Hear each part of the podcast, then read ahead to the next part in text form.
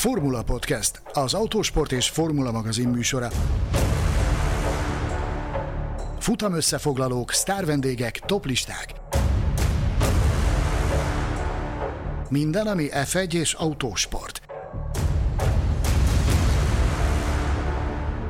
A Formula Podcast virtuális stúdiójában Mészáros Sándor és Gellér Figergő. A Vodafone, a Ferrari és a McLaren egykori partnere immár a Formula Podcastet támogatja a Vodafone Podcast Pioneers program keretében. A Red Bullról és a Ferrariról szólt az azerbajdzsáni nagydíj hétvégéje a pályán és azon kívül is. Sok más mellett erről fogunk beszélgetni a Formula Podcast azerbajdzsáni nagydíjat értékelő adásában. Én Gellérfi Gergő vagyok, és a virtuális stúdióban itt van velem szokás szerint elmaradhatatlan harcos társam Mészáros Sándor. Szia Sanyi! Szervusz Gergő, üdvözlöm a hallgatókat! Szalám Bakú! Ó, a, vártam, vártam, hogy a szép tradíciót folytatod, mi szerint a helyi nyelven is megszólalsz az adásban. no, De ezúttal itthonról. ezúttal, ezúttal itthonról, viszont azt hiszem annyit elárulhatunk, hogy már nagyon kevés ideig tartózkodsz Magyarországon, éppen ezért vasárnap késő este, sőt inkább éjszaka beszélgetünk most egymással, úgyhogy ha kedves hallgatók úgy érzik, hogy kicsit enerváltak vagyunk, az csak is ezért van, és semmi más miatt. Na de, izgalmas hétvégénk volt, bizonyos szempontból, ö, vagy talán lehet inkább az érdekes szót használnám, mert az tényes való, és nehéz vitatni, és én nem is próbálom vitatni, hogy maguk a versenyek, ugye így többes számban, hát nem voltak a legizgalmasabbak, ennyit azért kimondhatunk, de, de a hétvégének volt számos érdekessége, és nyilvánvalóan mindenek előtt beszélnünk kell röviden arról, hogy debütált az új lebonyolítás, az újfajta sprint lebonyolítás, és, és én hadd szaladjak is előre, ugye gyakorlatilag még még ki se próbálták ezt a legújabb sprint formátumot, már is lehet hallani újabb módosítási javaslatokról, ugye? Igen. Lőjük le itt már a poént, vagy várjuk meg vele a pusborgás robotot? Hogy szeretnéd? Kérlek szépen, szerintem itt a sprint kapcsán beszéljünk róla már csak azért is, mert úgy tudom a pusmorgáshoz is lesz mit mondani. Ö, szóval, hogyan szeretnék motiválni a versenyzőket arra, hogy kicsit izgalmasabb versenyzés mutassanak be a sprinten, mint ami történt szombaton? Kezdjük az elején. Ugye először átverték azt a kezdeményezést, hogy legyen sprint a Formula 1-ben. Ez megtörtént. Utána átverték azt a kezdeményezést, hogy legyen több sprint. Ez is megvalósul, mert idén már hat sprintünk lesz.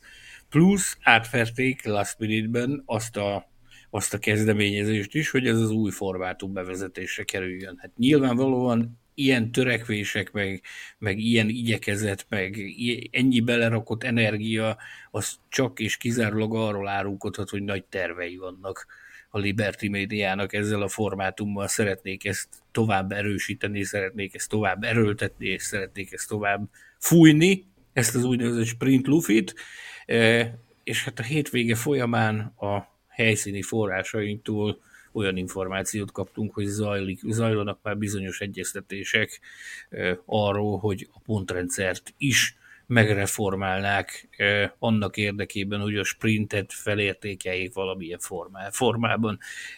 Nyilvánvalóan azzal ösztönözni lehetne a versenyzőket és a csapatokat, hogyha a sprintért több pontot lehetne szerezni, mint amennyit most lehet.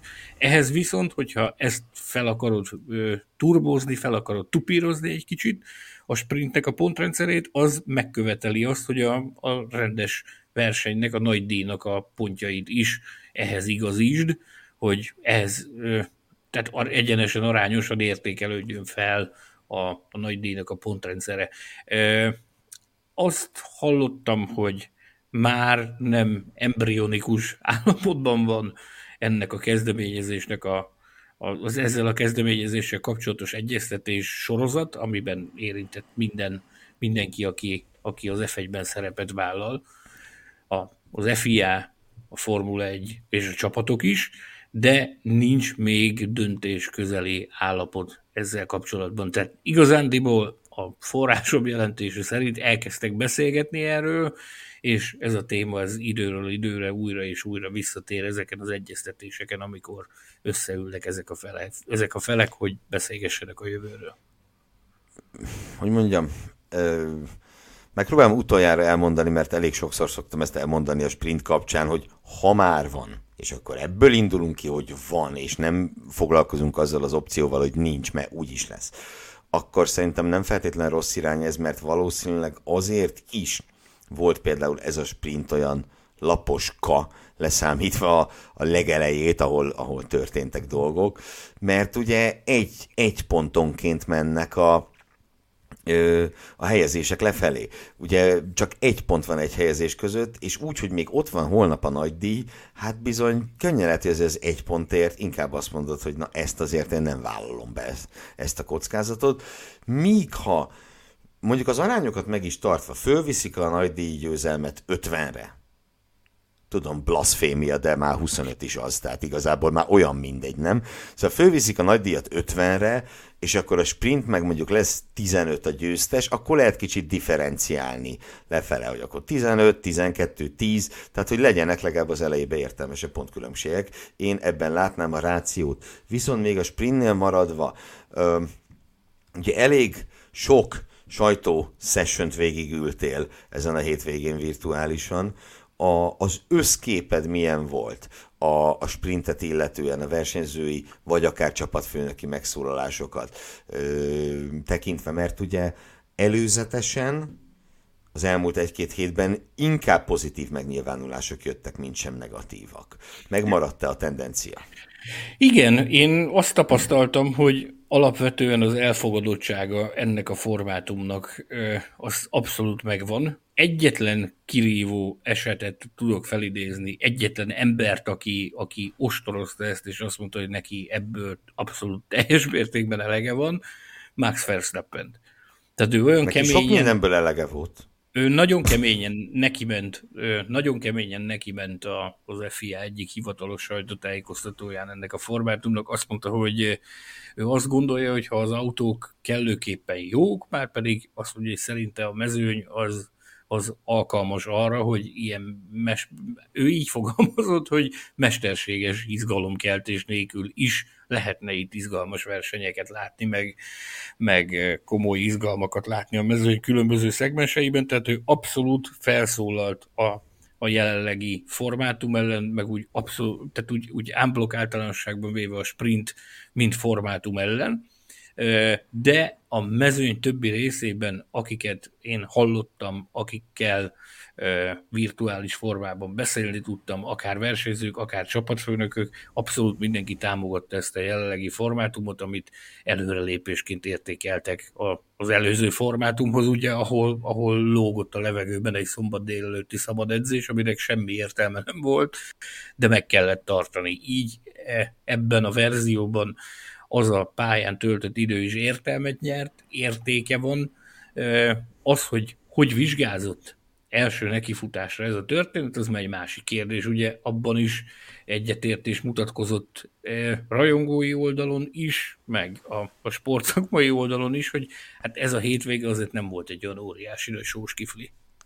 Hát különösen a versenyek, mert egyébként még a kvalifikációk csak-csak, de ott azért voltak izgalmak, érdekességek. Én, én abban biztos vagyok, de kíváncsi vagyok a kommentek között, írjátok meg, ha máshogy látjátok. Én biztos vagyok abban, hogy ez volt a legunalmasabb azerbajdzsáni nagy díj eddig, vagy a legunalmasabb bakói futam eddig. Ö, nyilván összességében ez még mindig egy, egy, egy marha izgalmas pálya, már egyrészt a vonalvezetést is imádom, meg, meg ami nagy, nagy eséllyel produkál nagyszerű versenyeket, de itt, ahogy beszélgettünk a felvétel előtt, azért földobtál valamit, hogy mitől lehetett ez most laposabb, mint amit megszoktunk Bakuban. Ugye, a, amit eddig láttunk Bakuban, az az úgynevezett Baku szindróma. Ezek a, ezek a elképesztő izgalmak, amiket az elmúlt években láttunk ezen a pályán. Ugye ezek mind-mind-mind mindig összefüggésben állt azzal, hogy valami történt a pályán. Tehát valamilyen incidens vezetett oda, hogy, hogy hihetetlenül izgalmas, meg extrém versenyeket láthattunk ezen a pályán. Most viszont ugye tavaszi szünetről jött vissza az osztály, mindenkinek rengeteg újítás volt az autókon, hallottam több forrásból olyat is, hogy, hogy bizonyos szárny megoldások, meg padlólemezek, meg mi egymás, tehát az új fejlesztések, azokból csak az az egy darab állt rendelkezésre, amit ide elhoztak, tehát nem volt tartalék. Tehát egy picit nekem az volt a benyomásom, mintha, mintha egy hajszállal óvatosabb lett volna mindenki ezen a hétvégén. Egyrészt azért, mert ugye szünet jöttünk vissza, másrészt valamilyen szinten oda kellett figyelni arra, amiük van, harmadrészt borzalmasan hosszú ez a szezon. Tehát egy picit, egy picit az agresszivitás, mint hogyha nem tengett volna túl a, a versenyzőkben, ebből kifolyólag nem történtek olyan incidensek, amik a feje tetejére állították volna a világot, ez pedig ebben a helyzetben azt eredményezte, hogy, hogy ilyen versenyek voltak. Ilyen versenyek voltak, és olyan versenyek és olyan időmérők voltak, ugye összesen négy darab, az eddigi legtöbb mondhatni, mert hogy két verseny, két időmérő, ilyen még nem volt, és nagyon érdekes módon ugyanaz a három ember végzett mind a négy ö, sessionon, mondjuk így, az, az első három helyen, különböző, különböző sorrendekben, és azért ezt nem feltétlen mondtam volna meg előre, hogy mind a négyszer ez a, ez a három ember lesz ott, ugye Sergio Perez, Max Verstappen és Charles Leclerc, és hát arra se feltétlen gondoltam volna, hogy ebből a négyből egyet se fog, egyen se fog Max Verstappen az élen zárni. De talán Verstappenről, Verstappenről kicsit később, én most először Löklerről szeretnék beszélni. Értekezni. Hát nem is értekezni, de legalábbis beszélgetni kicsit, mert ugye Lökler ezen a hétvégén egyértelműen felemelkedett a Red Bullokhoz, mindkét időmérőn megverte őket, és Mm, és hát ugye a sprinten is némi szerencsével, ezt a szerencsét George Russellnek hívják, de hogy ott is Max verstappen legalább le tudta győzni, és abból az nagyon-nagyon zavaros üldöző bolyból, amit eddig láthattunk az előző nagydíjakon, egyértelműen kiemelkedett Charles Leclerc, magasan kiemelkedett, és ugye itt egyrészt az a kérdés merül fel az emberben, bár erről azért van egy, van egy teóriám, hogy hogy ez most a Ferrari volt, vagy Lökler volt, amit láttunk, és a másik, hogy hova lett Carlos Sainz, mert óriási nagy lett a különbség kettejük között.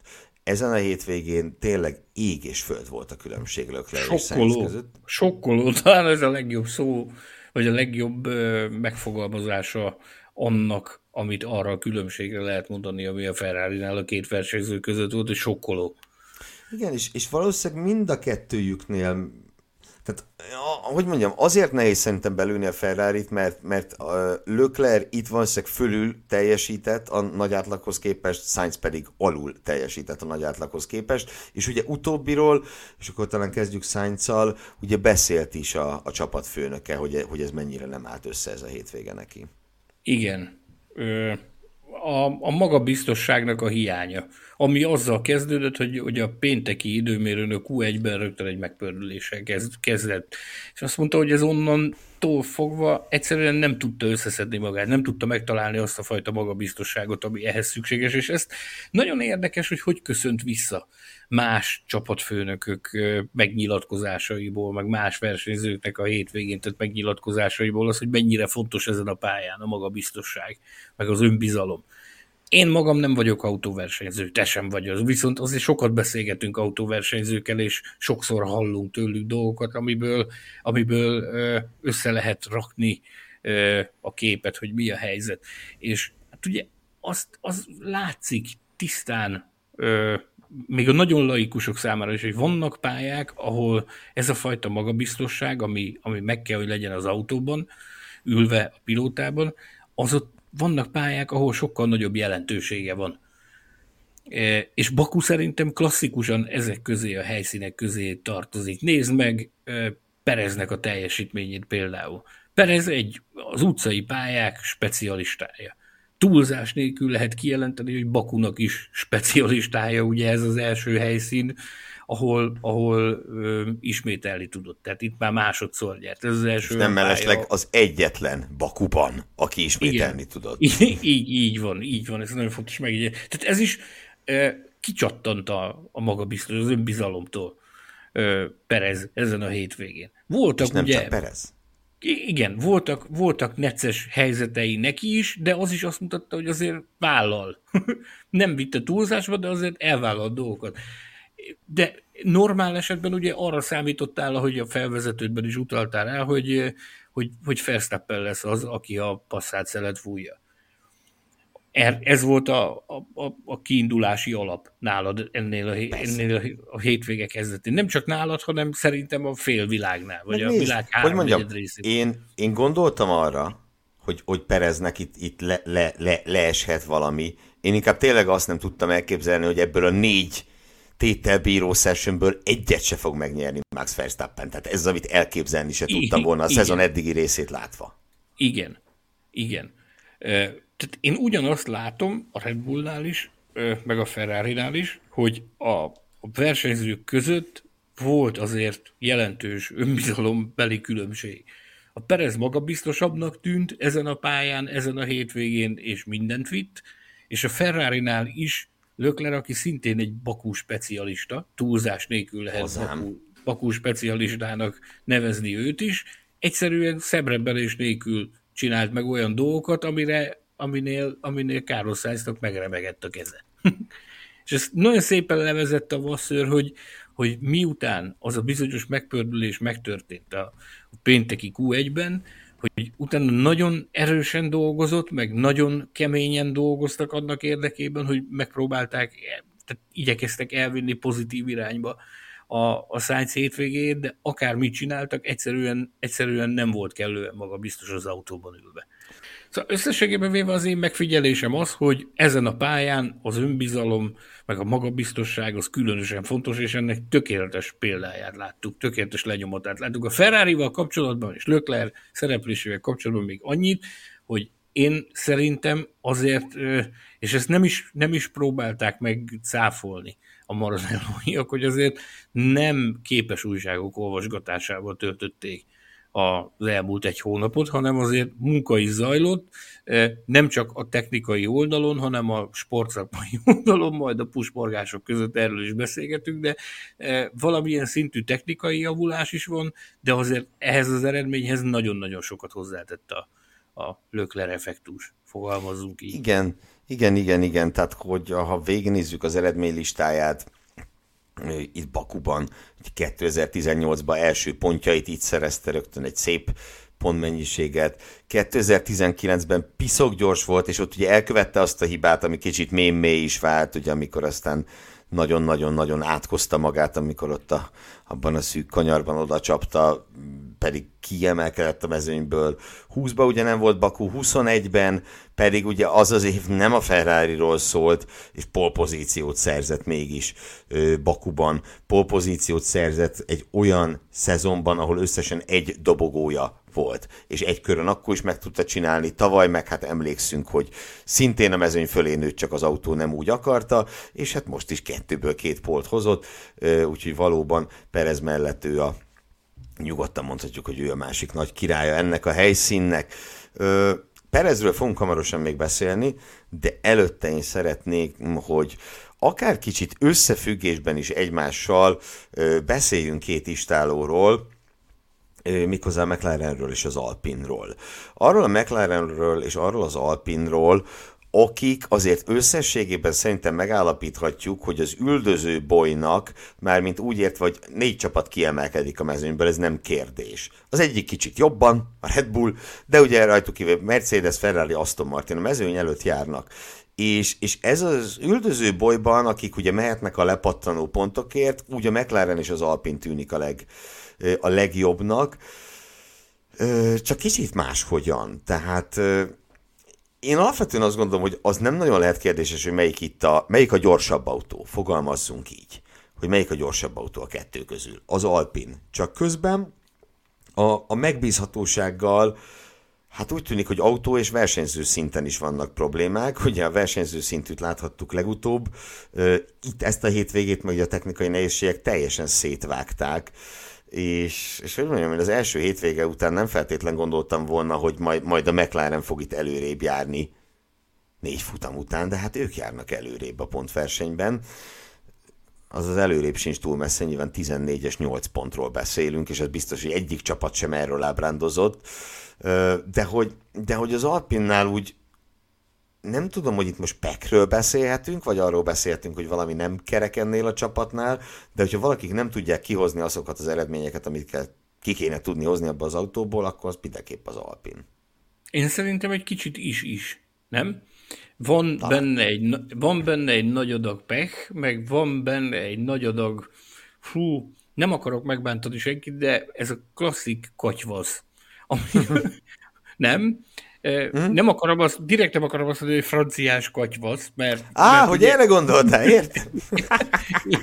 igen, igen, igen, igen, igen. De kicsit olyan franciás, annak ellenére, hogy ugye ez egy francia-brit istáló, amiről beszélünk. Tehát maga az istáló Nagy-Britanniában székel, de azért a francia hatás az megvolt. De ugye ezerszer megmutatták már, hogy hogy a nagy katyfaszok után azért mindig meg tudják találni a helyes irányt, és ez a probléma, hogy nagyon sok időt vesztegetnek el a szezonokban ilyen dolgokkal.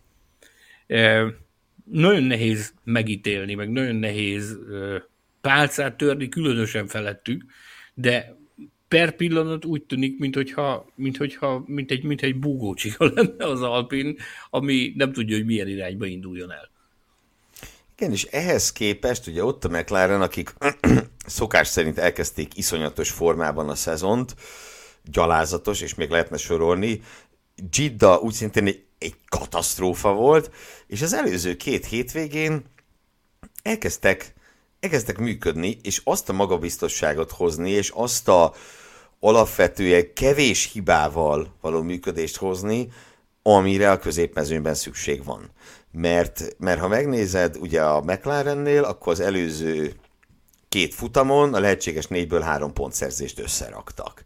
Ö, és ugye Piastri sem volt veszve, 11 lett, majdnem meg lett a négyből négy, ö, és az időmérőn is voltak azért itt, ö, voltak azért itt szép eredmények, ugye dupla Q2-t csináltak, Norris hetedik, Piastri tizedik lett, ö, hogy, hogy ez most azért kinéz valahogy a McLarennél, és megmondom, nem az, ahol ők tartani akarnának, sőt nem is az, ahol tartani kellene nekik, de az első két hétvége után azért ez most kicsit jobban fest.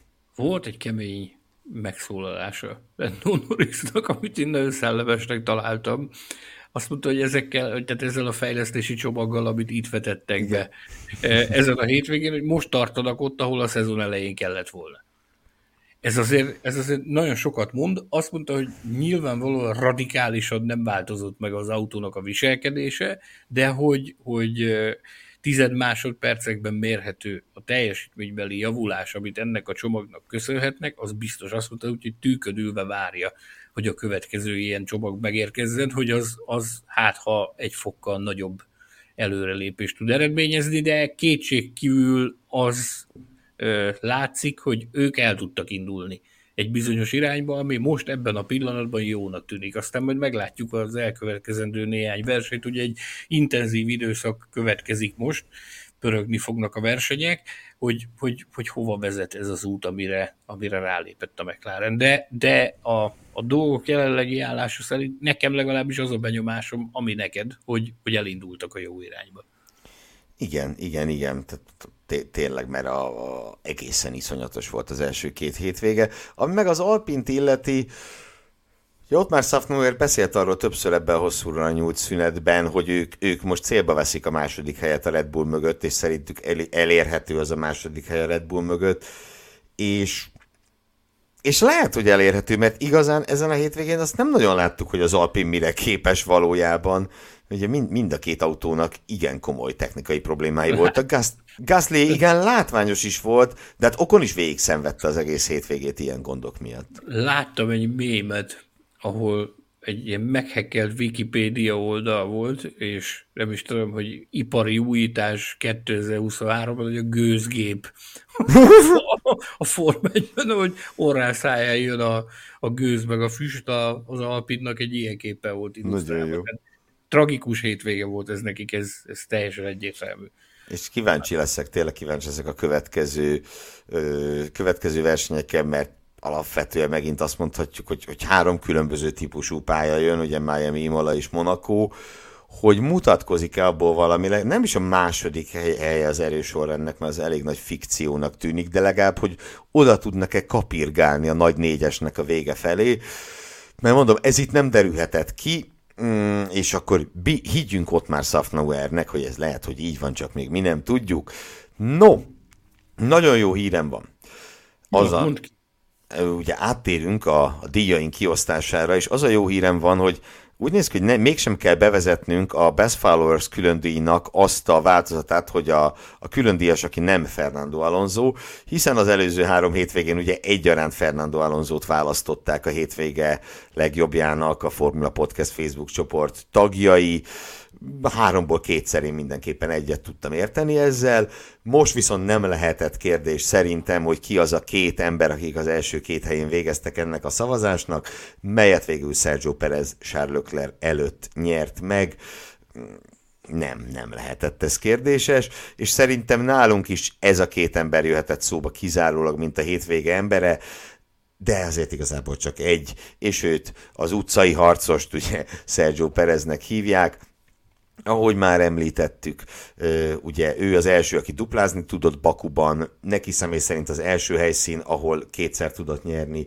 Összességében most már úgy áll Perez, hogy a hat nagy díjgyőzelemből öt utcai pályákon, és ugye mindkét polpozíciója utcai pályákon, és ami a legérdekesebb, mert ugye nagy díjgyőzelmekkel úgy állnak ők, hogy kettő-kettő, Verstappen és Perez idén. De ha a versenyeket nézzük, és a sprint, ha tetszik, hanem az egy verseny, ezen elég sokat élsz előttünk, ugye egy elrajtól... Ami, ami, ami, ami rajtal kezdődik, és kockázzászlóval intik le. Az egy verseny. Igen, igen, igen. Szóval az öt idei versenyből Perez nyert hármat, Verstappen kettőt. És igen, ebben lehet, hogy sok minden benne van, de... És sőt, én, én azt sem gondolom, hogy, hogy Perez majd a szezonon át ő itt végig tartani tudja ezt a tempót, de hát gondolta volna a fene, hogy Azerbajdzsán után azt mondjuk, hogy Perez több verseny nyer, mint Verstappen 3-2 arányban. Ö, és ez szerintem a mai vasárnapi, ez nem a szerencsém múlott.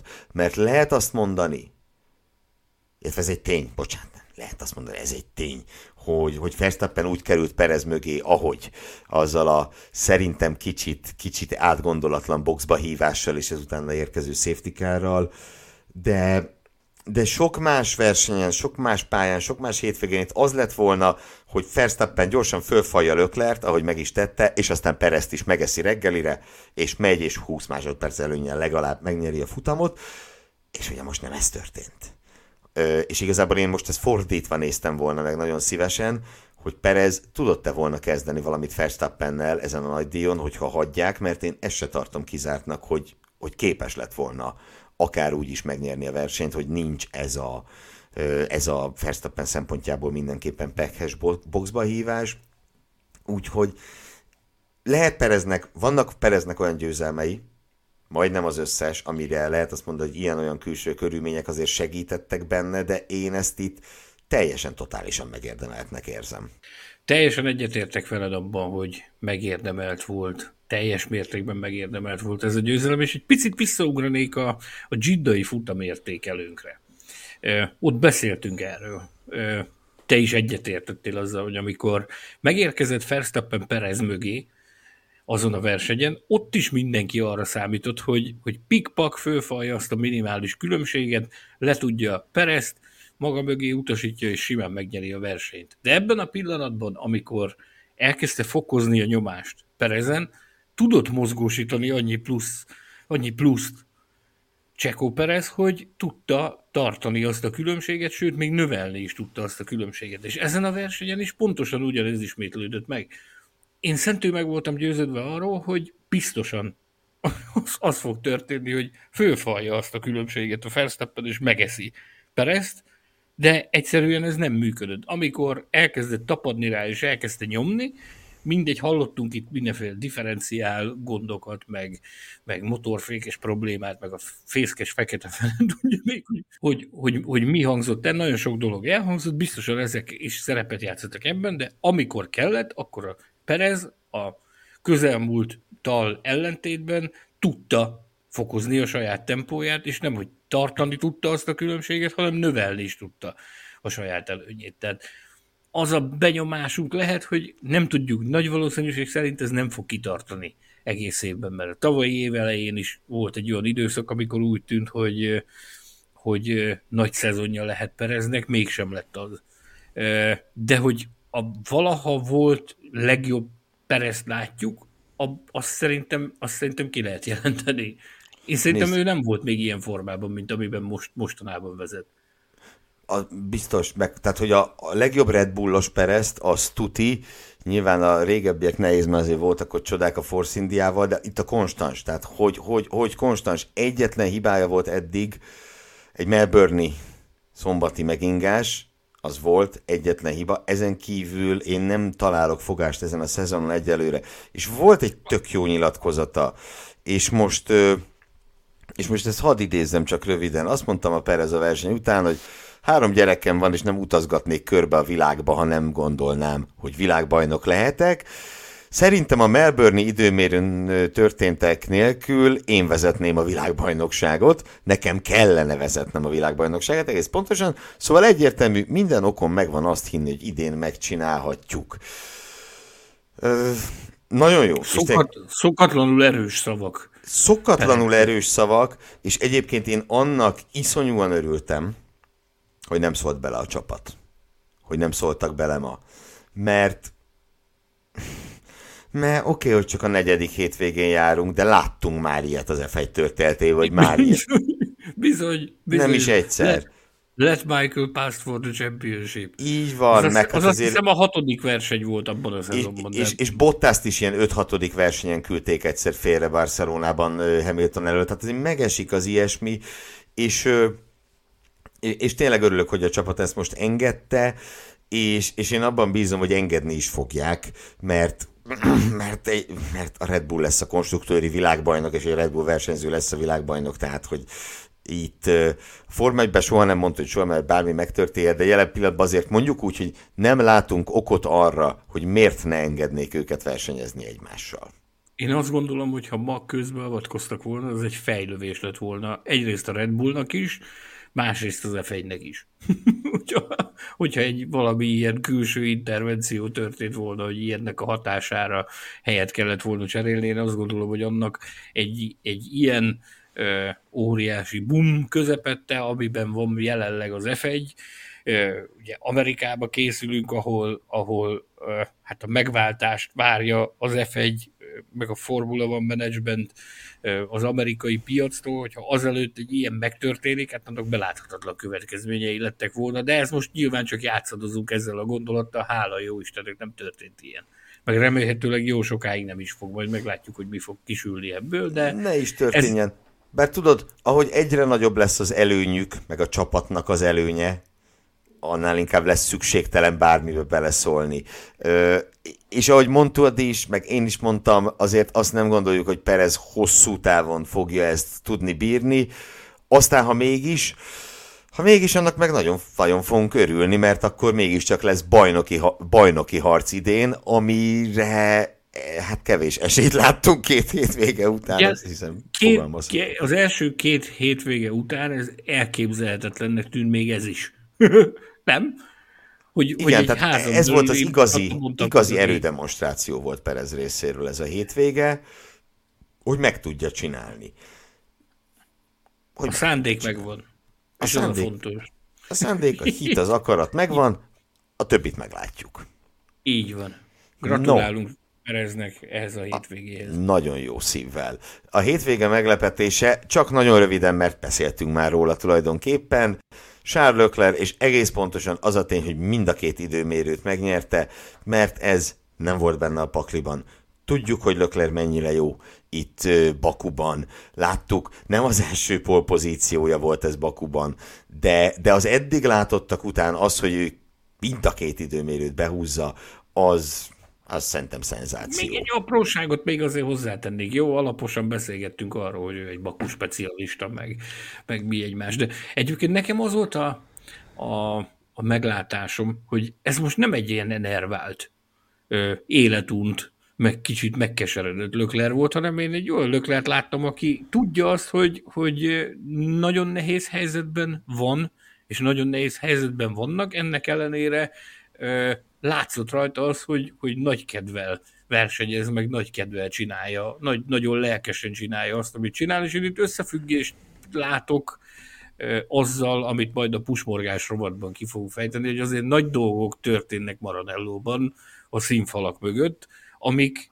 nagy valószínűség szerint ösztökélik azért, meg ösztönzik azért őt is arra, hogy bizony érdemes nyomni a gázt, meg, meg, meg érdemes lelkesen csinálni azt, amit csinál. Igen, igen, igen, igen, és, és egyébként, tehát egyrészt, ahogy mondod, hogy duzzadt az energiától, és emellett még nagyon okosan is versenyzett, mert, hogy mondjam, nem lett volna értelme itt a nagy díjon csatába szállni a két Red Bull-lal. És ha megnézzük, mennyivel verte meg Fernando Alonso-t, 8 tizeddel. Ö, én nem mondom, hogy ez teljesen máshogy lett volna, hogyha mondjuk elkezd Verstappennel, megpróbál Verstappennel ellen védekezni, akkor, amikor Verstappen ugye megelőzte őt a, a safety car követően. De hogy, de hogy pont meg lett Alonso neki, először sikerült ugye Alonso-t letaszítani idén a dobogóról, és az a 8 tized ki tudja, hogy nem-e ott lett meg, hogy, hogy tényleg nagyon okosan csinálta. Mert nem csatázott feleslegesen Red Bullokkal, és viszont pont annyira nyomta, amennyire kellett. Milyen aranyos volt, ezt láttad, amikor a cooling down roomot mutatták? Ugye a pódium előkészítő uh-huh. szobában, amikor oda bementek? És ugye ott ült a, a, a bal szélső székben Verstappen, oda telepedett mellé Lökler, beült a középső székbe, tehát a győztesnek szánt székbe, és akkor jött a Perez érkezett ö, utoljára, és ugye ment oda, és kérdezte a Lökler, hogy kell a széked, tehát hogy szeretnél oda leülni, és mondta, hogy nem ülj, csak nyugodtan, ő leült, és mondta, hogy sorry, de hát ez a habitusom. Beülni a győztesnek járó székbe. Milyen, Nagyon jó. milyen aranyosan beszélgettek. Mennyivel, mennyivel jobb ezt a löklert látni, mint, mint akit hát nagyjából eddig a szezon egészében. Akiről viszont nem beszéltünk még ma, de kell, és lehet, hogy már korábban is kellett volna, de most végképp kell. A hétvége csalódása, és a szezon egyik legnagyobb csalódása számomra eddig. Nick DeFries. Nick DeFries, akinek volt három nem jó hétvégéje eddig az Alfa Taurival, és most egy olyan katasztrofális hétvégét rakott össze, ami Amiért azt kell mondjam, hogy ritkán látunk mostanában. Ugye, ha végignézzük a négy, négy session a Q1-ben baleset, ö, piros zászló, 107%-on kívül maradt, nyilván engedték elindulni. A sprint szétlövésen, mert ugye így hívják a sprintnek az időmérő edzését, hogy sprint szétlövés, tök utolsó lett. Aztán a sprinten koccant a csapattársal, aki ennek következtében kiesett a versenyből. Végül a nagy díjon mit csinált? Összetörte, piros nem bocsánat, hanem safety car. Tehát ez tényleg a, a minősíthetetlen kategória. Egyszerűen minősíthetetlen. És tényleg eddig se volt jó, amit láttunk tőle biztos nagyon nagy volt a hype körülötte, nyilván az eddigi eredményei alapján, meg a tavalyi beugrása alapján, ami az maga volt a szenzáció, de hogy egyelőre ez, ez konkrétan semmi eddig. És, és, és, és nem tudom, ha már beszélgettünk ma az önbizalomról, és ezt a labdát dobnám föl neked, akkor na, itt hogy lehet önbizalmat építeni egy ilyen után? Nehezen. Mondta, hogy nehezen. Nagyon jól ostoroztad. Tudod ki, az, eh, ki lenne az, aki teljes mértékben egyet értene veled? Pontosan tudom. Ő, Nick de Vries. Ő maga. Igen. Ő maga. ő maga alkalmam nyílt hallani őt, hogy hogyan értékelte ezt a hétvégét. Hát rettenetesen rövid volt. Annyit mondott, hogy amit el lehetett rontani, azt elrontotta, pocsék és katasztrofális és szörnyű volt ez a hétvége, meg azt is hozzátette, hogy nem is nagyon tud mit mondani. Az egy jó dolog, hogyha ezt fölismered, és nem a kifogásokat keresed, hanem vállalod a felelősséget. Tehát ez azt jelenti, hogy a tudatot tiszta, és ez megadja neked a lehetőséget arra, hogy elinduljál valamilyen irányba, és megpróbáld megváltoztatni a, a, a dolgaidnak az alakulását. Én egy picit korteskednék mellette. Én ugye itt a műsorban is többször hangozottam annak, hogy én lelkes híve vagyok Nick de Vriesnek, az ő pályafutásának, az ő képességeinek, meg az ő habitusának, meg tokkal vonóval úgy, ahogy van az embernek. Rajongója nem vagyok, csak híve. Én azt látom, hogy annál nehezebb kenyér csak ritkán jut egy embernek az f mint ami neki jutott. Ez a klasszikus rosszkor, rossz helyen, rossz időben. Abszolút. Tehát ez az Alfa Tauri, amilyen katyvasz van ott, oda megérkezni, ott elfogadtatni magad, beintegrálni magad, elfogadtatni a te stílusodat, a te dolgaidat, ott összehangolódni a mérnökökkel. Egy ilyen állapotban, ami jelenleg az Alfa Taurinál van, azt azért látjuk, ugye épp a héten történt meg a bejelentése annak, hogy Franz 18 év után távozik a csapat éléről, és új vezető érkezik Loran Mekis személyében.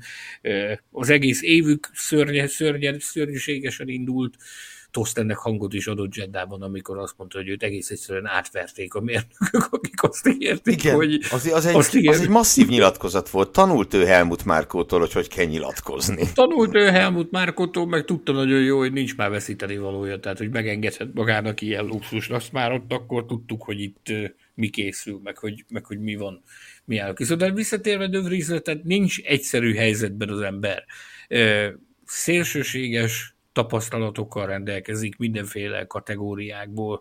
Egy hihetetlenül képzett autóversenyzőről van szó, és gyakorlatilag egy jelen pillanatban szegény egy pojácának tűnik Yuki Tsunoda mellett. Akiről ugye eddig azt gondoltuk, hogy nem egy nagy sós kifli. hát bocsánat, hogy újra ezt a kifejezést használom, de azért itt az elmúlt két évben itt folyamatosan arról beszélgettünk, hogy mikor telik be a pohár a Cunoda szerencsétlenkedéseivel, és mikor kötnek útilaput a talpára. Na most ez, képest, ez a Cunoda stabilan veri Dick de Vries, aki bajnok volt az F2-ben, meg világbajnok volt a Formula I-ben, meg a Forma 1-ben beugróként szenzációsan debütált. Na most ebben a helyzetben, amekkora óriási kavarodás, meg óriási felfordulás van az Alfa Taurinál, azért az ilyen helyzetekben az hatványozottan komoly előnyt jelent a tapasztalat, ami viszont a Cunoda oldalára billenti a mérleget. Tehát azért évek óta ott van, azt azért tudjuk nagyon jó, hogy nem az utcáról fújta őt be oda a szél, tehát a Honda fogja a kezét, ezáltal a Red Bull is fogja a kezét, meg hát ugye ő tulajdonképpen a megtestesülése a Franz Tost féle életműnek, amikor egy zabolázatlan, bocsánat, hogy ezt a kifejezést használom, egy eszehagyott suhancot, egy ilyen kemény, egy ilyen kemény ember a, a hóna alá kap és megzaboláz. Hát idézzük fel, hogy nem volt az olyan nagyon régen, amikor úgy rendeltetett, hogy oda kell költöznie neki Faenzába azért, hogy közvetlenül Franz Tost irányítása alatt tudjon készülni a versenyekre, és ebből a cudodából lett egy kvázi rendszeres pontszerző mostanára. Egy olyan autóval, ami nem feltétlenül arra van predestinálva, hogy ilyen eredményeket érjenek el vele. Hát nem, és igen, ugye megnézzük, Cunoda tényleg teljesen rendben van ez a szezon. Kétszer volt 11 tehát majdnem, majdnem pontszerző, kétszer pontszerző volt, most Pakuban Q3 negyedik sorból rajtolt. Azzal az autóval, ami szerintem vagy a nyolcadik, vagy a kilencedik autó a tíz tagú mezőnyből. Tehát te, teljesen rendben van a szezonja, én azt gondolom, hogy amit az Alfa Tauritól jelenleg várni tudunk, várni lehet, azt, ö, ö, azt Cunoda hozza, Nick de Vries meg egyelőre Én semmi... Nem, várj, bocsánat, itt muszáj vagyok beleszólni. Két dolgot szeretnék mondani. Egyrészt ö, helyesbitek, pontosítok, egy, egy majdnem rendszeres pontszerző Cunoda, mert így, így helyes a megfogalmazás. A, az, az Alfa Tauri pedig, én azt gondolom, hogy az Alfa Tauri színvonalát jelen pillanatban az Unoda messze felülmúlja. Könnyen lehet, tehát hogy én, én tényleg azt gondolom, hogy Williams-nél valószínűleg jobb ez az autó, és az Alfa Romeo-val lehetnek úgy partiba. De ennyi, ennyi, és nem több. Kíváncsian várom egyébként, tehát itt tényleg, tényleg évek óta mindig az egyik legizgalmasabb csapat az Alfa Tauri, és most is. Egyrészt, hogy, hogy Tsunoda tudja-e tartani ezt a, ezt a szintet, hogy ott kóricál legalább a pontzóna környékén, mert 11-11-10-10, ugye az eddig helyezése azt jelenti, meg hogy Nick de Vries meg tudja mutatni azt, hogy miért van itt, mert nyilván én se gondolom, hogy itt egy, egy fakezű emberrel lenne dolgunk, vagy semmi, a pedigréje csodálatos, csak eddig ez, amit látunk, ez nagyon nem jó.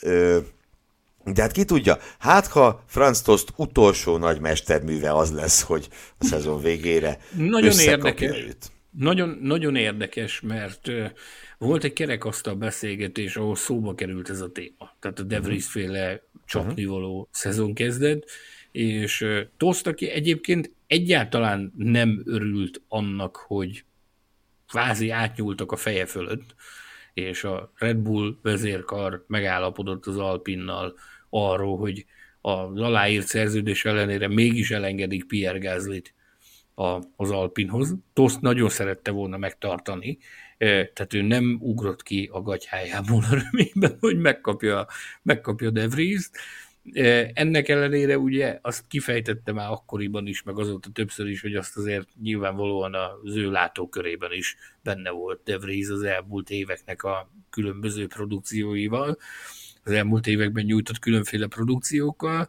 és bár nem kezdte jól a szezon, ugyanazt a határozottságot látom rajta, Toston, amit, amit Cunodával kapcsolatban is művelt, meg, meg tanúsított. Ugye, amikor a Cunoda a legrémesebb dolgait művelte, Franz Tost sokszor, a, hát én nem is tudom, hogy minek tűnt, amikor ő rendíthetetlenül állította, hogy de igen, ki tudjuk hozni belőle a legjobbat, ennél tud ő sokkal jobb lenni.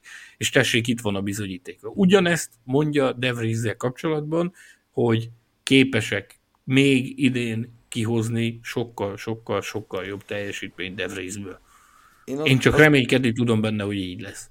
Én azt gondolom, hogy neki most nagyon nagy szüksége lenne egy, egy önbizalomnövelő eredményre, nem önbizalomnövelő szabadságra, mint annak idején, ugye szegény Alex Jonggal tette meg Paul Stoddard, de tényleg viccet félretéve, tehát hogy itt, ha mondjuk májusban, a három májusi hétvégén összejönne valami, valami jó, akár csak egy olyan, idézőben csak, de hogyha össze tudna rakni egy olyan hétvégét, mint tavaly Monzában, akkor, akkor lehet, hogy ez kimozdítaná ebből a holdpontból, el, vagy erről a holdpontról. Lépjünk tovább, kérlek. A hétvége pillanata, amely ugye rendszerint valami szép és pozitív dolog, de nem mindig. Ugye ez a külön díj a hétvége legemlékezetesebb, vagy legkülönlegesebb mozzanatának jár, és itt én azt hiszem, hogy egy, egy, egy, egy elkerült tragédiáról kell beszélnünk. Ugye az utolsó körben történtekről Esteban Okon teljesen várható és kiszámítható módon az utolsó körének megkezdése előtt a boxba húzott, ahol épp egy kordont vontak, készítették elő a parkfermét, emberek mászkáltak. Ott, ugye voltak, ott voltak a fotósok, akiket a fotósok? már akkor engedtek, igen, akik a parkfermét készültek fotózni, meg a parkfermébe beállás. És Jókor a kavarodás lett ebből. És ugye a box utca gyors sávjában mozogtak az emberek, amikor megérkezett Esteban Okon, ráadásul ugye van ez a pici kis íve, ilyen kis SS íve ennek a boxbejáratnak, tehát okon viszonylag későn láthatta meg, hogy, hogy mi a helyzet, hogy ott emberek vannak, és, és hát szerencsére semmi se történt, mert én azt gondolom, hogy ez a helyzet, ez a szituáció sokkal veszélyesebb volt, mint, mint, mint mint, az, mint azt látták talán kívülről a, a nézők. Ugye a belső kamera felvétele azért jobb képet ad arról, hogy, hogy milyen, milyen közel is volt, mennyire szoros volt ez az egész és engem az háborított föl az egészben, hogy mivel Esteban Okon addig nem járt kerékcserén, ezért pontosan tudhatta mindenki, hogy Esteban Okon most be fog jönni a boxba az utolsó körének megkezdése előtt. Ha nem teljesen hülye, ugye, és ki akarja záratni magát a versenyről, akkor be fog jönni a boxba. És ennek ellenére történt meg ez. Igen, teljesen egyértelmű, hogy tisztába kell lenni azzal, hogy, hogy Okon a a boxba készül, akkor, hogyha ott ülsz a televízió előtt, és figyeled az eseményeknek az alakulását. Itt ugye most olyan szakemberekről beszélünk, akik párkfermé körülményeket telepítettek oda a helyszínre, meg fotósokról beszélünk, akik Isten tudja honnan keveredtek oda. Tehát nem lehetünk biztosak abban, hogy mindenki tökéletesen tisztában volt azzal, hogy itt az okonnak még jönnie kell hogyha a versenyét életbe akarja tartani. Jó, biztos nem, hiszen akkor nem mentek volna oda, csak érted, hogy érdekelne úgy a procedúra, amiről ugye itt e, erre utal is a, a, a stewardoknak a, az erről kiadott... Ez várjál, várjál, ne rohanj ennyire előre. Ne rohanj ennyire előre, ismertesd azt a tényt, ami, hát én azt gondolom, hogy ezt nevezhetjük a hétvége legmeghökkentőbb tényének is. Ez kicsiktelenül az... így van, hogy a, a stewardok berendelték az FI... Az FIA-t az FIA-t, az, legalábbis az FIA képviselőit, de, de igen, azért ilyenre én nem nagyon emlékszem. Majd lehet, hogy itt lesz, aki majd emlékszik rá és megemlíti nekünk. De ugye, és poénkodtunk is ezen még itt a leintés követően, hogy tulajdonképpen az FIA berendelte az FIA-t, és erre jött egy nagyon érdekes üzenet számodra, ami kicsit helyre tette a dolgokat. Igen, ami, ami tisztázta ezt a helyzetet, hogy a, a sportfelügyelői testület az egy független szerv. Hogy tudjuk ezt jobban megfogalmazni? Hát így, így, így. Tehát, hogy ők, őket ne keverjük össze az FIA-val, gyakorlatilag ez, ez tartalmazza az üzenet, amit, ami, amit kaptál, de ettől függetlenül tény, hogy nagyon-nagyon furcsa volt az egész, és emellett teljesen indokolt, mert ezek komoly, ez egy nagyon-nagyon komoly ö, veszélyhelyzet volt, és érted, hogy ugráltak félre az emberek, és nem is akarom folytatni, ha ez egyik megbotlik, mert ott egy tucatnyi ember ugrott félre, vagy érted, kettő egymásnak megy, és jön okon, hogy ez sokkal veszélyesebb volt, mint biciklizni a pályabejáráson. Nézd, egy dolog biztos, hogy, hogy a fotósok, meg ezt a párkfermét telepítő emberek, ezek ott szoktak már tobzódni a, a verseny utolsó köreiben, készülnek arra, mert ugye gyakorlatilag nincs túl sok időd. Áthalad a, a, a győztes autó a célvonalon, onnantól fogva van körülbelül legfeljebb másfél-két percük van arra, hogy ott minden készen álljon a győztes autónak, meg a top 3-nak a fogadására, hogy a fotósok elfoglalják a helyüket. Itt egész egyszerűen arról lehetett szó, hogy, hogy ott tulajdonképpen azok az emberek talán egy picivel, vagy valamivel hamarabb kezdtek el ö, bemozdulni, hogy azt a tevékenységet, amit nekik ott véghez kell vinni, azt ott, azt ott megcsinálják. És nyilvánvalóan ez azért nem egy, nem egy megszokott dolog, hogy az utolsó körben valaki oda nyilvánvalóan itt lehet beszélni, valószínűleg történt kommunikációs malőr is, mert andok, ezeknek az embereknek mindig van egy kontroll személy, aki ezt felügyeli, hogy mikor lehet oda bemenni. Valószínűleg megcsúsztak egy, egy rádió üzenettel, hogy oké, okay, mehet, nem kell autót várni a, a pitlére. Nagy valószínűség szerint ez is benne. Ezt nem mondom, nem hallottam, nem beszéltem senkivel erről a sztoriról, túlságosan későn történt, meg utána teljes őrület volt, tehát voltak azért ennél fontosabb dolgaink is a, a mai verseny után, de én ezt potenciálisan el tudom képzelni, hogy ez az egész egy egyszerű kommunikációs malőrnek a, a folyamánya, ami, ami ott történt. Részint, Részint pedig az, hogy amit ugye ki is emelnek, ki is emelnek itt a stewardok, a sportfelügyelők az általuk kiadott dokumentumban, decision mondjuk, hogy döntést tartalmazó dokumentumban, hogy, hogy, hogy ez hogy ez tulajdonképpen rendszeres, vagy legalábbis nem szokatlan dolog volt, ami történt, hanem ugye az tette veszélyessé, hogy az utolsó kör megkezdései előtt jön be valaki a boxba, Viszont ugye azt mondták, hogy akkor végigbeszélték a procedúrákat, a protokollokat az FIA képviselőivel, és arra köteleztük őket, hogy azonnali lépéseket tegyenek ezen procedúrák és protokollok újra gondolására, hogy többé nem, ne történjessen meg ugyanez, és a vége az FIA képviselői kifejezték sajnálatukat azt illetően, ami történt. Hát szuper. Pontosan ez támasztja alá azt, amit mondtam, hogy ott nagyon rövid idő alatt kell megoldani feladatokat. Tehát, hogy ezért egyáltalán nem szokatlan, nem véletlenül fogalmazták így meg, hogy egyáltalán nem szokatlan, hogy a, a, a versenynek ebben a fázisában ott emberek jönnek, mennek, meg emberek tesznek, vesznek azon a területen. Igen, Ennyi. de hogy és nyilván a kézenfekvő megoldás az lenne, és őszintén szóval hogy meg lennék lepve, hogyha nem erre jutnának, hogy akkor kapják meg ezek az emberek az úgy szólván rajtengedélyt, amikor az utolsó autó is megkezdte az utolsó körét. Mert ugye akkor ilyesmi nem történhet meg. És ö, arról beszélgettünk délután a ö, srácokkal, akikkel a, a Pitvolt vesszük föl holnap, amit ti már tegnap hallhattatok. Na igen, ilyen időzavarban élünk most, hogy, hogy rendszerint abból szokott tanulni nem csak az F1, hanem egyáltalán a, a legtöbb motorsport, amikor valami baj történik. És most tökre örülnék, hogyha most sikerülne tanulni egy olyan esetből, ahol lehetett volna baj, és nem lett. És nyilván a stewardok által kiadott dokumentum mindenképpen ebbe az irányba mutat, mert ugye azzal zárják, hogy az FIA képviselői biztosították a sportfelügyelőket arról, hogy a következő nagy díjig, ami ugye most jön, Miami, ezen a hétvégén.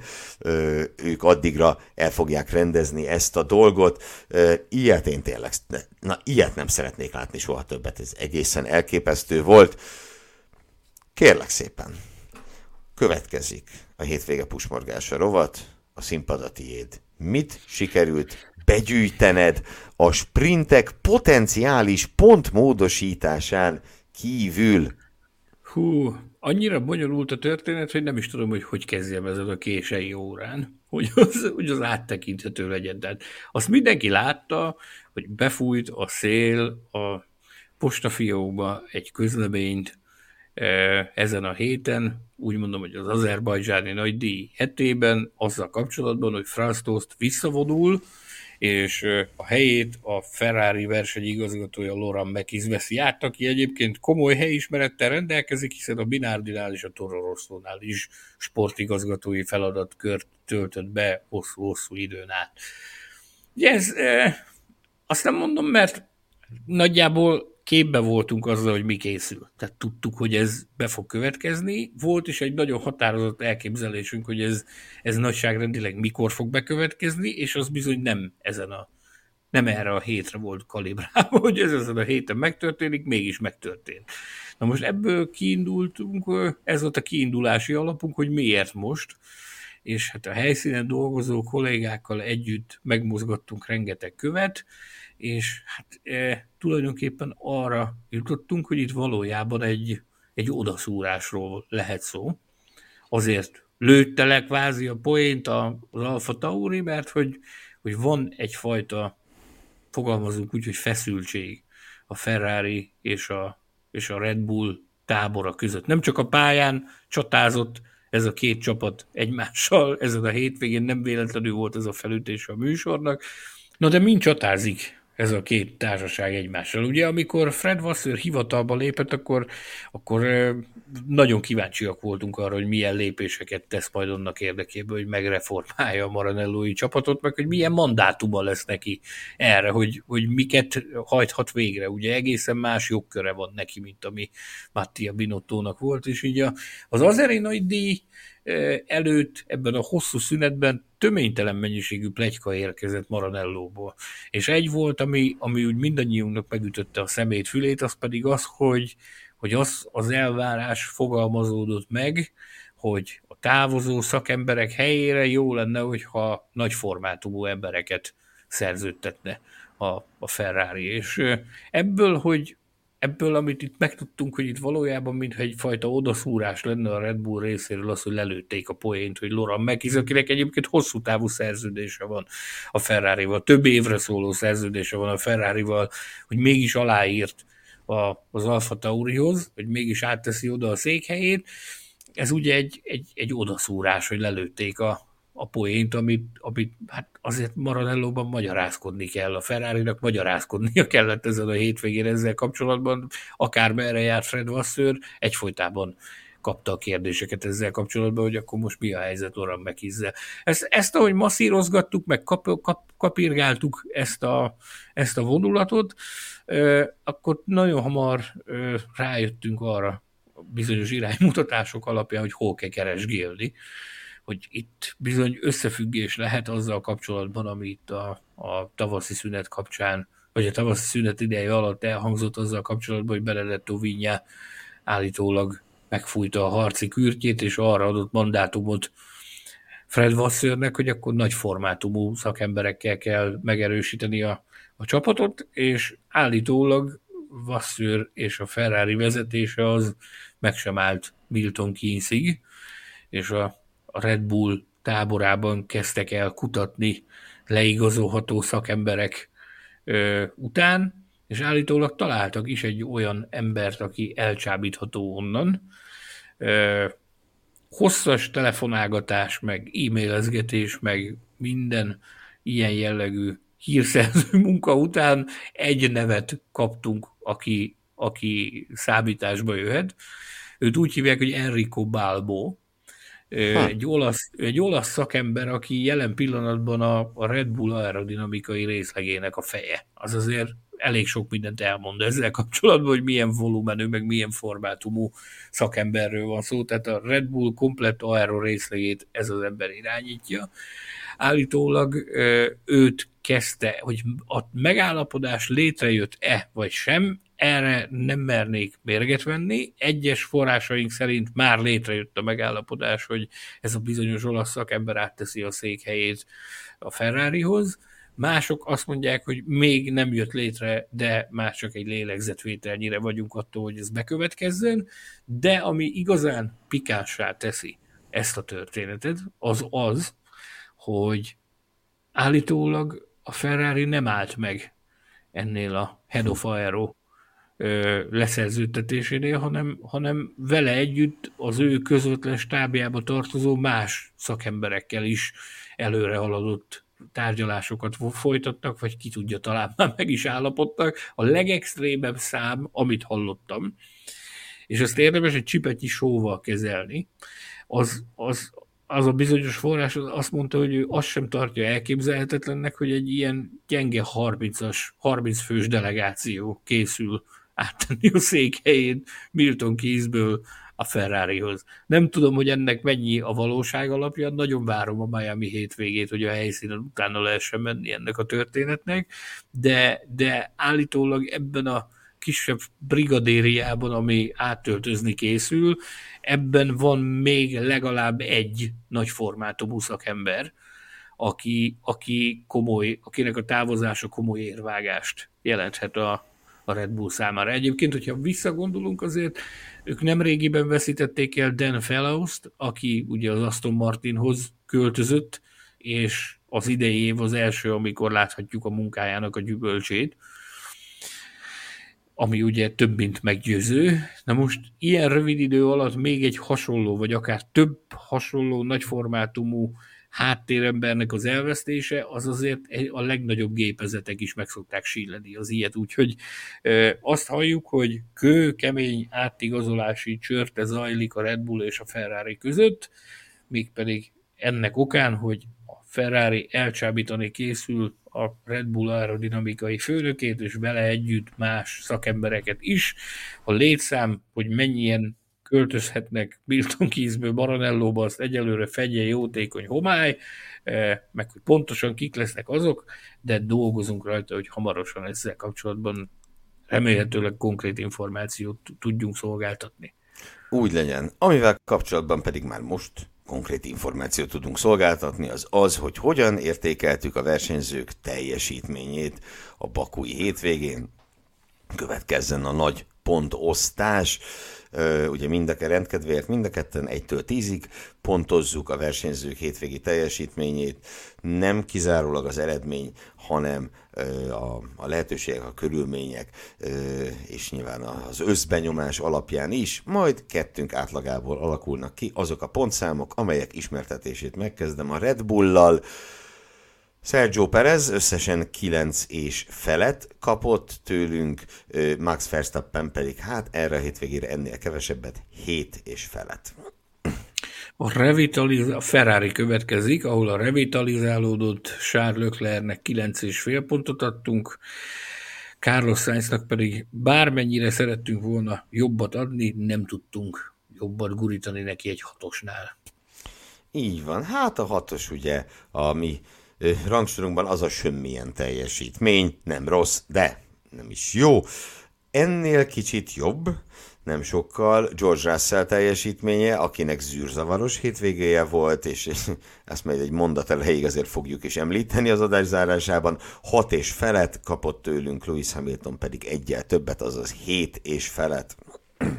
Következik az Alpin, ahol a pitlénen tevékenykedő szakembereket riogató és a távot kis ilyen kerékcsere nélkül teljesítő Esteban Okonnak 6 pontot adtunk, az önmagát nyomokban sem idéző Pierre Gázlinak pedig öt és felet sikerült kiszabjunk, mert hát volt már jobb, meg remélhetőleg lesz is még.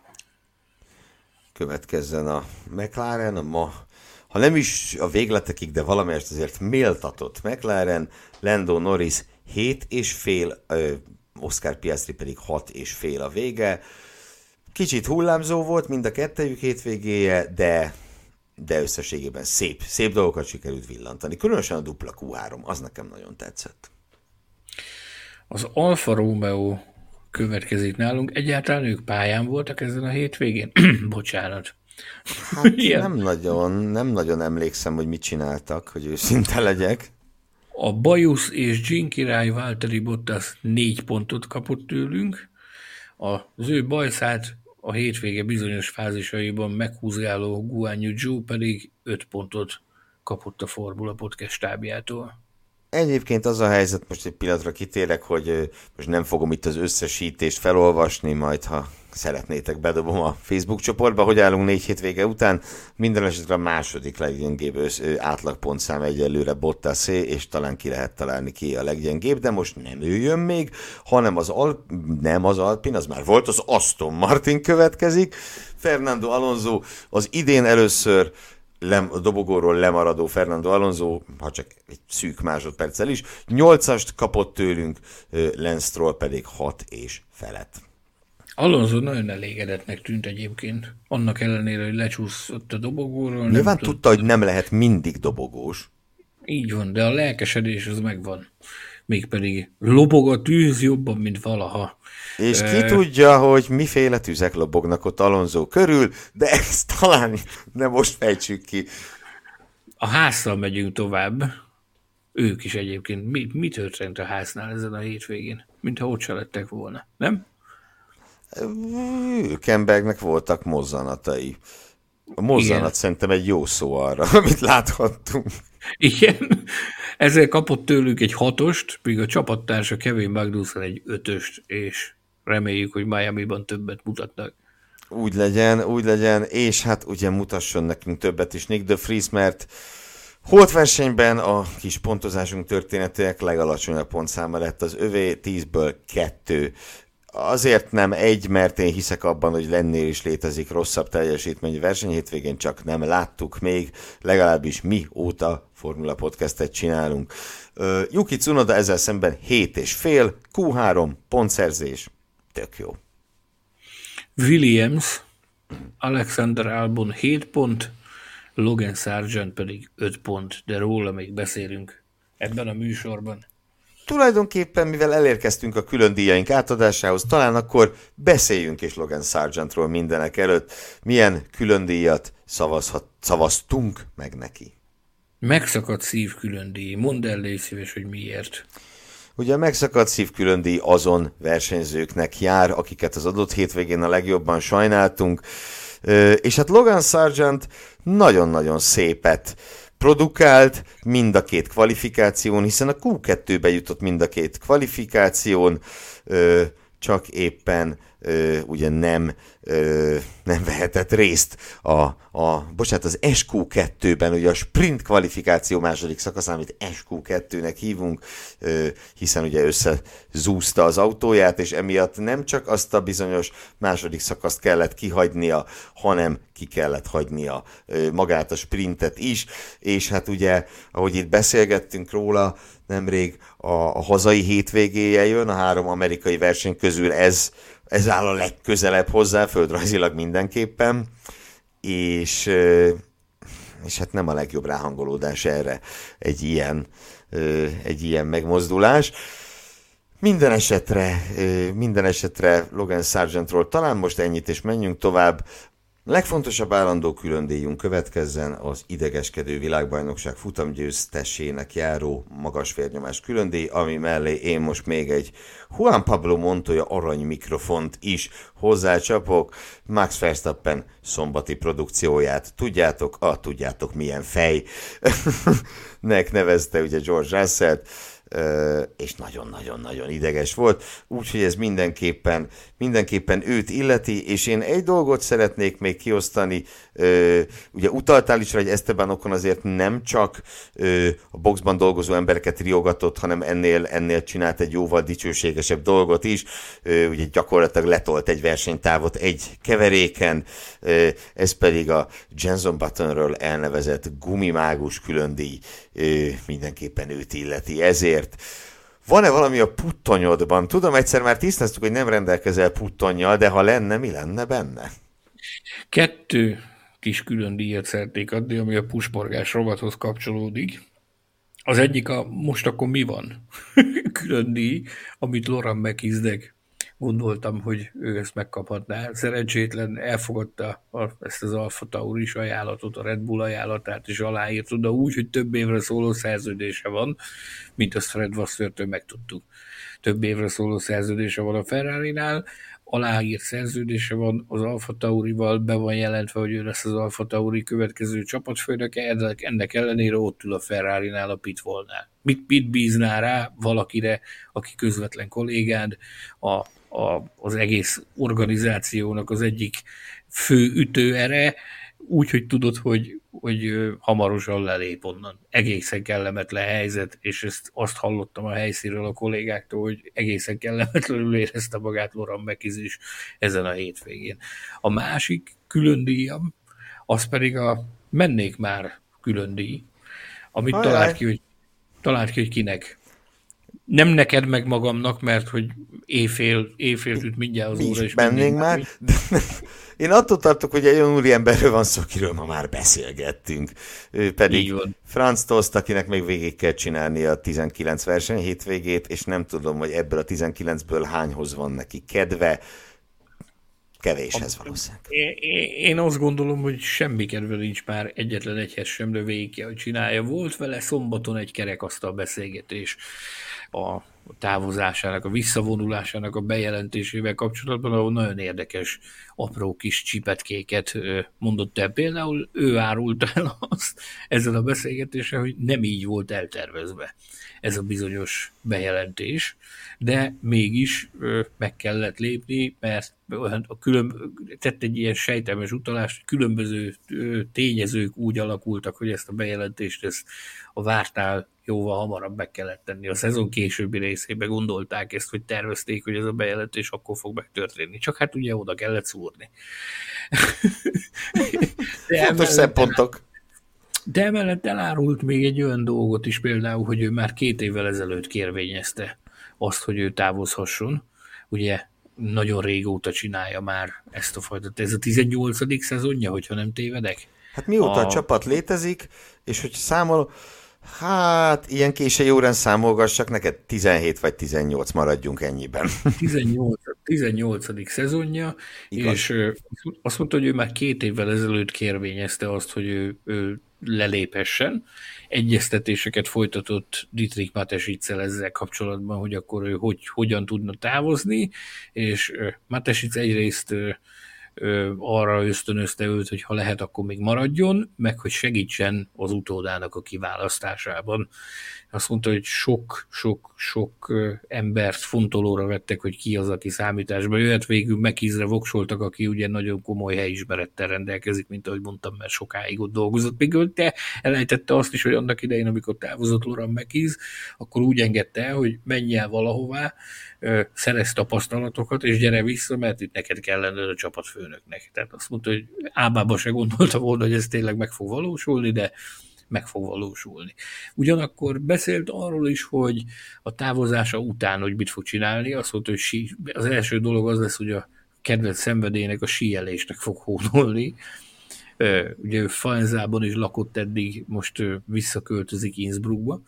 A, az ő ahol ő őshonos, azt mondta, hogy Innsbruckban és Bécsben fogja az ideje javarészét tölteni, sok időt szeretne síelésre fordítani, meg a családjára fordítani.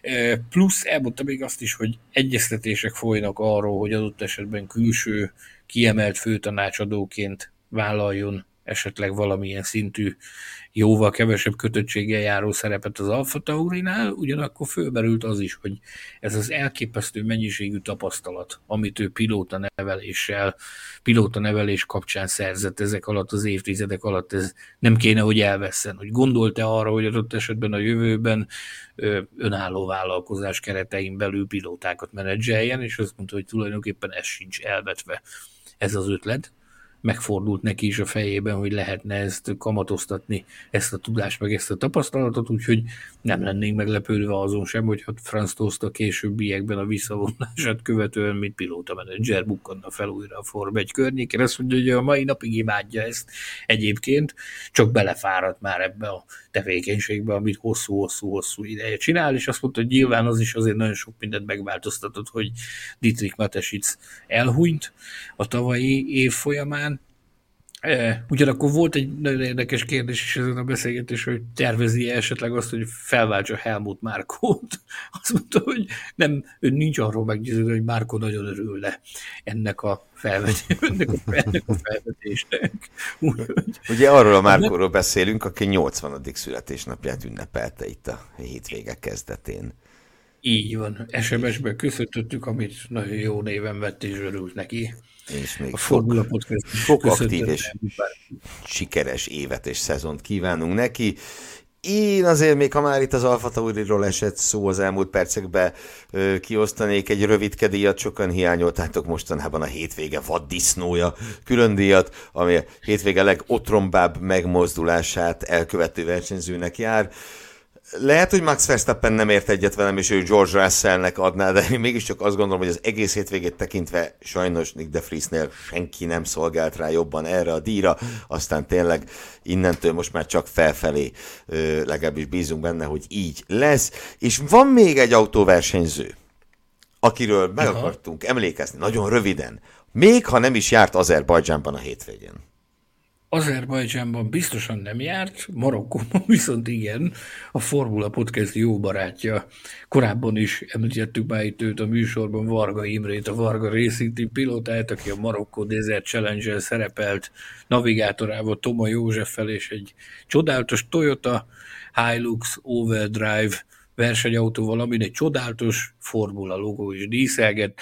A 61 autós mezőnyben ott szerepeltek az autós kategóriában, elképesztő brutális körülmények voltak a Marokkó Desert challenge szinte minden nap 60 fok felett volt a hőmérséklet a kabinban, extrém hőhullám volt Marokkó déli részén, és a 16. helyen fejezték be iméjék a Marokkó Desert Challenge-et, amihez ezúttal is gratulálunk nekik egészen, egészen csodálatos, és hát hogy is mondjam, tényleg, hogy a formula logója egy ilyen versenyen, ilyen magasságba jutott, ezt nagyon köszönjük neki, és nektek pedig a figyelmet köszönjük nagyon, ez volt az azerbajdzsáni nagydíj értékelője, így néhány perccel vasárnap éjfél előtt. Reméljük, hogy tetszettek a hallottak, hogyha igen, akkor ha eddig nem tettétek volna, próbáljatok bekövetni minket valamilyen felületen, amit szeretnétek. Spotify, YouTube, Google Podcast, Apple Podcast, ami jól esik, de kövessetek minket, lapozgassátok. No, most én jövök. Kövessétek, kiváló barátomat, kollégámat, harcostársamat, Gellérfi Gergőt a Facebookon, ahol elérhető a Gellerfi Gergó F1 azonosító alatt. Így Jó van. mondtam? Köszönöm szépen, tökéletesen Végre mondtad. sikerült. Mészáros Sándor barátomat pedig a Mesandor, ME Sándor azonosítóval találjátok meg Facebookon, Twitteren és Instagramon is. Továbbá mindenféle érdekességet találhattok a formula.hu nevű weboldalon, hogyha ö, a nyomtatott sajtó szerelmesei vagytok, és legyetek azok, akkor az Autosport és Formula magazint kereshetitek az újságárusoknál, illetve elő is lehet rá fizetni a webshopunkban, és nagy szeretettel ajánljuk továbbá nektek YouTube csatornánkat, ahol többek között Mészáros Sanyi helyszíni bejelentkezéseit, szösszeneteit, kis videóit láthatjátok azokon a hétvégéken, ahol jelen van, és hát most jön néhány ilyen, ugye? Valamint a YouTube csatornán, ahol egyébként ezt a műsort is lehet, hogy éppen ott nézitek, mert ott is fönn van, de ott találjátok minden hétfőn este 7 órától a Pitbull című műsorunkat, és minket pedig itt fogtok találni legközelebb a következő adásunkban, amely több mint valószínű, hogy a Miami nagy díj futamértékelője lesz, ha csak nem történik valami váratlan. Ez legyen a jövő zenéje. Köszönjük még egyszer a figyelmet, találkozunk legközelebb, addig is minden jót. Sziasztok! Sziasztok! Tetszett az adás? Hallgass meg korábbi műsorainkat, valamint iratkozz fel ránk Spotify, Google, Apple Podcast vagy más csatornáinkon. A linket megtalálod a leírásban, illetve a formula.hu weboldalon.